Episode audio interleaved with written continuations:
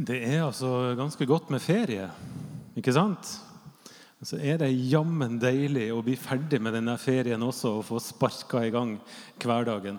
Det merka i hvert fall jeg nå når vi har samles i kraftverket igjen. Og så merka jeg det at menighet, kirke, det handler altså om folk.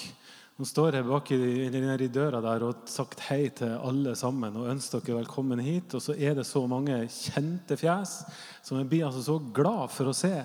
Og så er det en hel del ukjente fjes som jeg også blir glad for å se. Jeg håper at de kan bli kjent etter hvert. Menighet, det handler om folk. Men det er ikke det jeg skal snakke om først og fremst. Jeg har eh, høstens første spørsmål. Det står klart her til dere. Og det er som så. Hvis dere kunne forandre én ting med kroppen deres, hva skulle det være? Hvis du kan forandre én ting med kroppen din, hva skulle det være for noen ting? Det kan dere jo sitte der og tenke litt på underveis. Jeg så nemlig en video her om dagen der 50 personer fikk akkurat det spørsmålet. Og det er en som svarer helt, eller en dame som svarer umiddelbart det jeg ville ha svart. Og kanskje noen av dere. Hun sier én ting. Ærlig talt. Her er det faktisk flust å ta tak i. sant? Og så kommer svarene som perler på ei snor. Jeg skulle ønske jeg var høyere. Jeg skulle ønske jeg var, kunne forandre ansiktet mitt, panna mi, huden min, de store ørene mine. Alle fant et eller annet som de syntes var feil da, med kroppen sin, og som de skulle ønske de kunne forandre på. Alle sammen. Bortsett fra at det var en del barn som ble spurt det samme spørsmålet. Og det var så fint. For de skjønte ikke spørsmålet. De ble sittende og se ut i lufta, og sa de hmm. Det var ingen av de som ville forandre på den kroppen de har. Og det var en som sa 'Jeg er fornøyd med kroppen min'. Og en annen som sa 'Det er da virkelig ingenting å forandre på her'. Men når de fikk tenkt seg om, så begynte de å foreslå ting. At de kunne gjerne gi kroppen noe ekstra, noe som den ikke allerede har. Magi eller overnaturlige evner. Og da er jeg som sier, Jeg skulle gjerne hatt en havfruehale. Og så er det en gutt som sier ja, men jeg kunne tenkt meg å ha en haimunn, for da kunne jeg spise skikkelig masse. Og det er en som ville ha vinger, sånn at hun kunne fly. Og så var det en som ville ha bein som en gepard, for da kunne han sprenge like fort som en gepard. Og Jeg vet ikke hvordan det er med dere, men jeg får lyst til å bli barn igjen. Rett og slett. Er det ikke fascinerende hvordan vi voksne klarer å problematisere noen ting som er akkurat sånn som det faktisk er meint å være? Vi tenker at det kan alltid bli bedre. Det kan alltid være annerledes enn det det egentlig er. Og det gjelder jo ikke bare kropp. Har jeg det bra nok på jobb for tida? Mm, skal vi kjenne etter. Har jeg det bra nok med kjæresten min om dagen? Skal jeg i hvert fall kjenne etter. Kanskje jeg skulle valgt å studere noe helt annet enn det jeg holder på med nå. Kanskje jeg skulle ha flytta til en annen by. Det er ganske mange byer jeg kunne ha flytta til. Er livet mitt sånn som det skal være akkurat nå? Og trua mi Ja, er det nå egentlig så mye å ta vare på? Vi voksne har en slags eksistensiell uro Sånn ser det i hvert fall ut. En uro som får oss til å vurdere kvaliteten på livet vårt hele tida. Mens de her ungene, de her utrolig fine ungene, der har vi noe å lære. De skjønner ikke problemet. De er ikke misfornøyd med alt mulig rart. Det virker som at de har en eksistensiell ro, en trygghet, som gjør at de ikke tar livet sitt opp til vurdering hele tida. I hvert fall ikke de grunnleggende tingene. Og Den teksten som Johanna leste i stad, den handler jo ikke om kropp, men den handler om denne eksistensielle uroen. Som også til og med disiplene gikk og bar på den. Husker dere spørsmålet til Peter? Det kan minne om en lønnsforhandling. Hva får vi for å følge det, Jesus? Der starta teksten. Hva får vi for å følge det? Og så er det ikke noe lønnsforhandling, tror jeg. For jeg tror at under det spørsmålet der så strever Peter med et langt større problem. Er jeg på rett vei? Bruker vi livet vårt rett? Eller skulle vi gjort noe helt annet enn å følge det Jesus? Situasjonen er sånn. Kapittel 19 i Matteusevangeliet. Det er der den teksten er henta ifra. Og den, Det kapittelet det starta med at det kom noen skriftlærde som ville sette Jesus på prøve. Og Disse skriftlærde de gikk hardt ut. Altså, De prøvde å ta Jesus, de ville bli kvitt ham. De prøvde å få ham til å gjøre noe feil, til å si noe som de kunne ta ham på, sånn at de ble kvitt hele han og kunne ta knekken på oppdraget og oppgaven hans. Når de har dratt, så kommer det en rik mann, og så spør han hva skal jeg gjøre for å få evig liv. Og så svarer Jesus jo, bare gå og selg alt du eier, du. Og så gir du det til de fattige. Så kan du komme og følge med. Så kan vi snakkes. Og den rike mannen gikk bedrøva bort. Han klarte ikke annet enn å velge pengene sine foran alt annet. Og disiplene de var der. De så på, de hørte alt dette her. Og de kjente på kroppen den motstanden og alle ubehagelighetene som kom utenfra. Det var mange som var sur på dem. Og så levde de med Jesus, som krevde ganske mye av dem. Jeg mener, hvem av oss ville ha solgt alt vi eier, og gi det til de fattige? Og Det er i denne situasjonen at Peter stiller spørsmålet til Jesus. Vi har forlatt alt for å følge deg, Jesus. Det har kosta ganske mye. Hva er det vi skal få? Og Jeg tror Peter ikke tenker på penger så mye som et sekund. Men jeg tror han egentlig spør Jesus er det verdt det. Er det virkelig verdt å følge det? I starten var det kanskje ikke så vanskelig. Da var det mye som var enkelt. Men nå vet jeg at det finnes så mye annet som vi kunne ha brukt livet på, og som er så mye mer behagelig. Hvorfor skal vi egentlig være med på det her, Jesus? Hva skal vi få? Og Jeg vet ikke hvordan det er med dere. Dere er jo så eh, kristelige, og dere skulle til å si. Men jeg kjenner meg også igjen i dette spørsmålet. Og det er jo ikke fordi at jeg har forlatt alt for å følge Jesus. Tvert imot. Jeg lever jo et helt normalt norsk liv og har dermed flere goder enn de aller fleste på jorda.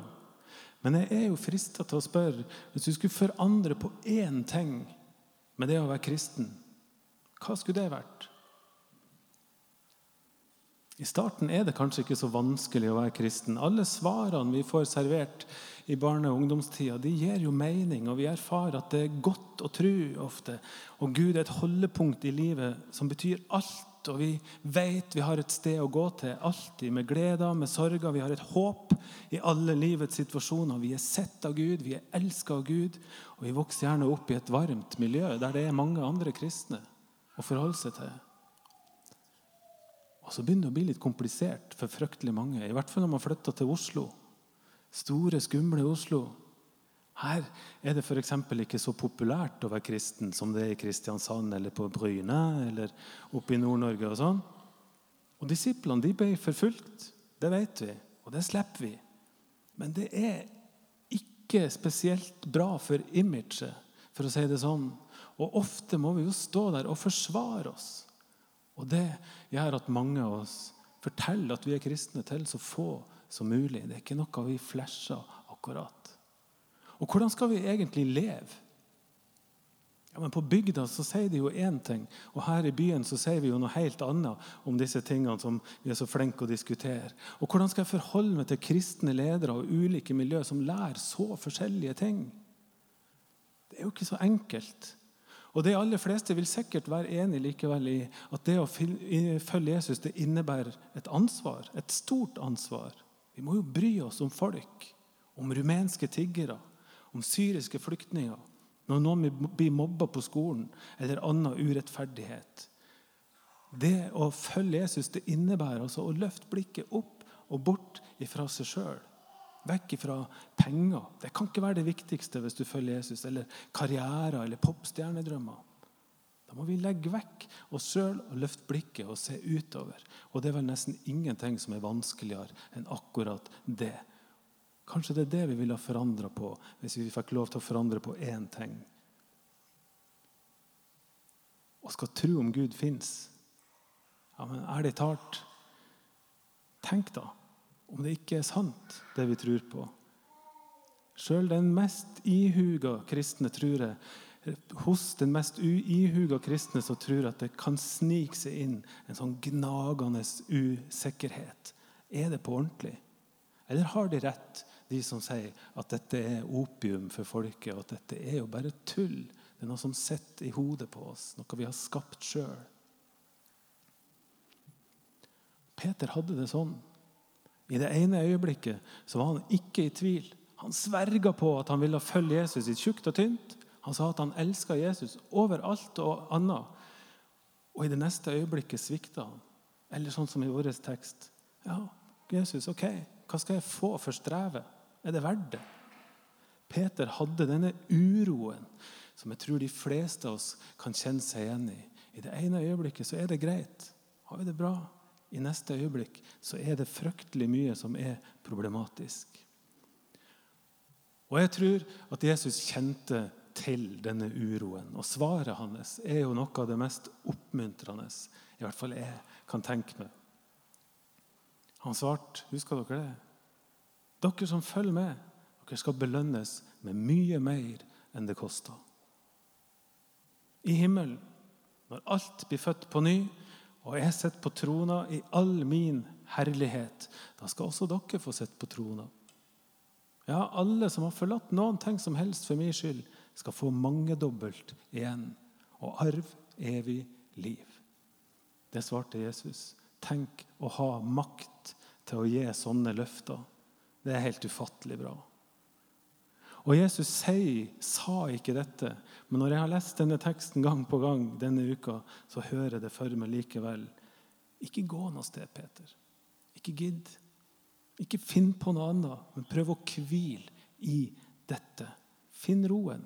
Finn tryggheten på at du er på rett vei. Det er her du hører til. Og Jesus sitt svar det ga Peter i hvert fall den tryggheten han trengte. Vi vet at han ble værende hos Jesus. Ok, Marte hun starta denne gudstjenesten med å si at vi kan jo ikke være sikre på at Gud fins. Men det går an likevel å finne en trygghet på at det vi tror på, er sant. Og unger de har jo denne naive, deilige tryggheten, den eksistensielle roen. Men etter hvert som vi blir eldre og voksen, så kommer alle spørsmålene. Og så kommer denne uroen snikende gradvis inn. Og den dårlige nyheten er at vi kommer aldri til å bli barn igjen, noen av oss. Men den gode nyheten er at det betyr ikke at denne tryggheten er borte for alltid.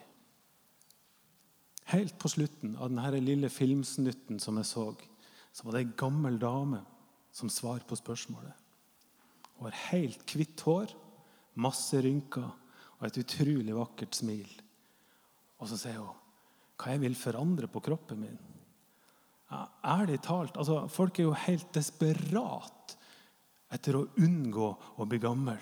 Etter å unngå å få rynker. Men vet du hva? Jeg elska det hvite håret mitt. Jeg elska det til og med da det begynte å bli hvitt. Vet du hva? Jeg har valgt å være sånn som jeg er, og se akkurat sånn ut. Jeg har valgt å ikke reparere på noen ting som helst, for det ville jo ikke vært med hvis jeg skulle forandre på hvordan jeg så ut. Og så smiler hun. Det største og varmeste og vakreste smilet dere kan tenke dere. Og den roen der, den tryggheten, den ligner jo litt på barn sin trygghet. Og den tror jeg det går an å finne tilbake til, også før man blir så gammel som den dama var. Jeg har valgt å være sånn, sa hun. Jeg har valgt å ikke forandre noen ting. Og I stedet for å være misfornøyd så har hun valgt å se med takknemlige øyne på det hun har. Og jeg tror at det er ut ifra det valget at det har steget fram en sånn ro og en sånn trygghet. Og akkurat sånn tror jeg det er med trua også. Jesus konstaterer i teksten vår at det koster å følge ham. Men det er verdt det, for han gir mangedobbelt tilbake. Og så kan vi velge. Hva skal vi ha fokus på? Skal vi ha fokus på alt som er vanskelig med å være en kristen og følge Jesus? Skal vi dyrke uroen vår? Eller skal vi fokusere på det gode med å tro? At det er en berikelse for livet vårt. At det gir oss et holdepunkt i livet og i døden.